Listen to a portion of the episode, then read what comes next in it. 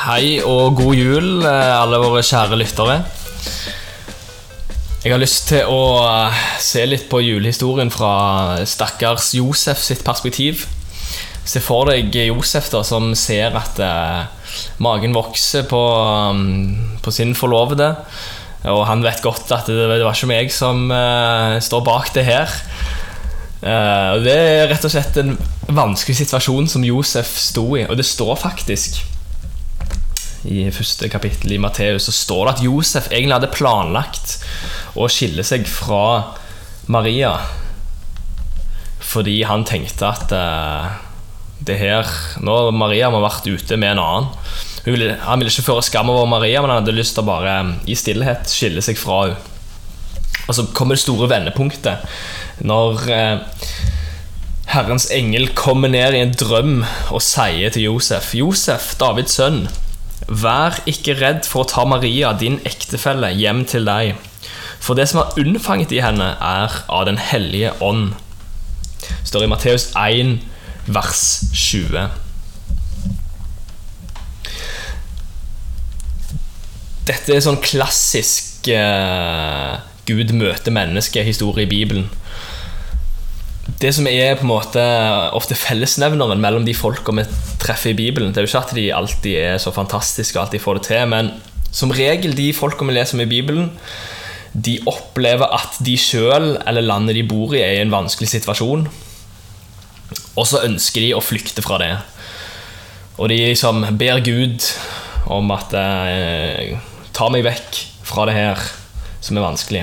Men så kommer Gud, og så ser Gud på det motsatt.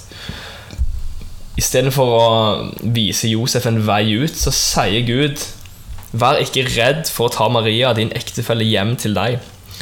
Så Josef, som hadde tenkt å skille seg fra Maria, han blir bedt av Gud å være sammen med Maria fordi at det er Den hellige ånd som har unnfanga Jesusbarnet. Så min utfordring til deg det er spesielt du som hører på og tenker at eh, du ser egentlig litt etter en vei ut. Du har noen vanskelige situasjoner, vanskelige relasjoner i livet ditt som du helst vil at eh, Gud skal sette deg fri fra. Jeg har lyst å utfordre deg til å endre perspektivet til heller tenke hvordan kan jeg gå enda mer inn i det livet som Gud har gitt meg? Hvordan kan jeg ta enda mer ansvar? Hvordan kan jeg si ja til det kallet Gud har gitt meg? Problemet til Josef var at han så på situasjonen med naturlige øyne. Og da var det ingen annen eh, logisk løsning enn at Maria hun hadde vært sammen med en annen. Og jeg tror Når meg og deg ser på vårt liv med bare våre naturlige øyne, så kommer vi til feil konklusjoner om hva som egentlig skjer. Grunnen til at meg og deg har fått Bibelen, er at vi faktisk kan få en ny måte å tolke livet vårt på.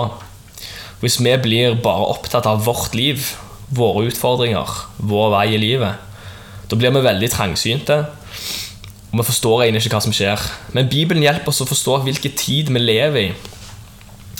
Fordi ifølge Bibelen så lever meg og deg egentlig i en slagmark mellom det gode og det onde. Med, hvis ikke du forstår det, at det, det fins et mørke, det fins en ondskap i verden, så blir det veldig tungt for deg når du møter det her personlig.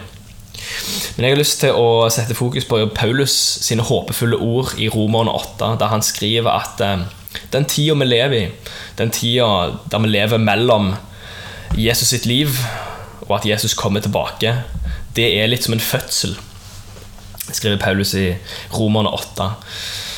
At det er fødselsrier fordi Gud han skaper en ny verden. Og akkurat som en fødsel som er Jeg vet ikke hvordan fødsel er, men det høres grusomt ut. Høres smertefullt ut. Sånn er den prosessen verden er inne i nå. At eh, det holder på å bli født en perfekt, god verden der Gud og menneske står ansikt til ansikt sammen. Men vi står midt oppi fødselen, midt oppi det smertefulle, der på en måte det ondskapen tar sine siste krampetak. Og for meg så hjelper det veldig å sette mitt liv inn i den store fortellingen og forstå egentlig hva det er som skjer. For da blir ikke jeg så overraska av covid og av folk som skuffer meg. Fordi det er sånn verden er. Og det kan jeg vite samtidig som jeg ser fram mot den nye verden som blir skapt. Så min utfordring til deg det er istedenfor å prøve å rømme fra livet ditt og rømme fra det vanskelige, så min utfordring er å heller snu deg mot det vanskelige. For det som er unikt med troen vår, det er at det vanskelige det former oss, og det gir oss en karakter. Paulus skriver i Galaterne 5 at eh, at vi som uh, har Den hellige ånd på innsida, vi skal oppleve at det vokser fram kjærlighet og glede og fred og bærenhet, vennlighet, godhet, trofasthet, ydmykhet og selvbeherskelse. Og det høres jo veldig bra ut. Men faktum er at for at du skal bli ydmyk, så må du faktisk oppleve tøffe situasjoner der stoltheten din og egoet ditt får en knekk. For at du skal oppleve at du blir tålmodig, så blir det faktisk det gjennom å slåss med din egen utålmodighet. Gjennom å ta et valg at istedenfor at jeg bare vil videre, så skal jeg stå her og være tålmodig og vente på Gud. For at du skal bli trofast, så kommer det faktisk av at du i dine konflikter, istedenfor å rømme fra de, at du står der og øver deg på trofasthet. For at du skal oppleve selvbeherskelse så skjer faktisk det gjennom at du blir utsatt for fristelser, og likevel velger det rette. Så min intensjon med dette budskapet det er å gi deg et nytt blikk på det som er vanskelig i livet. Se på det vanskelige med overnaturlige øyne. Kanskje har, kanskje har ikke du fått besøk av en engel, sånn som Josef, men vi har alle sammen Guds ord som viser oss hvordan Gud ser på verden, hvordan Gud ser på mennesket. Og jeg vil si til deg, du som går rundt og kanskje er skuffa over andre mennesker, eh, du som føler deg bitter Husk at Jesus, som egentlig har all grunn til å være skuffa over våre feiltrinn, til å holde ting imot oss, til å tenke jeg kunne, han eh, burde visst bedre enn det her. Istedenfor å være sur og bitter og grinete, så valgte Jesus å tilgi ikke bare meg og deg, men også tilgi de som hang han opp på korset. Så Det å være en kristen, det å følge Jesus, det er faktisk å gi slipp på sine rettigheter til å være bitter og være skuffa over livet. Og si at det, mitt store forbilde, Jesus, han valgte tilgivelse og fred og forsoning. Til og med i møte med de menneskene som ikke fortjente det. Og Derfor kan meg og deg gjøre det samme.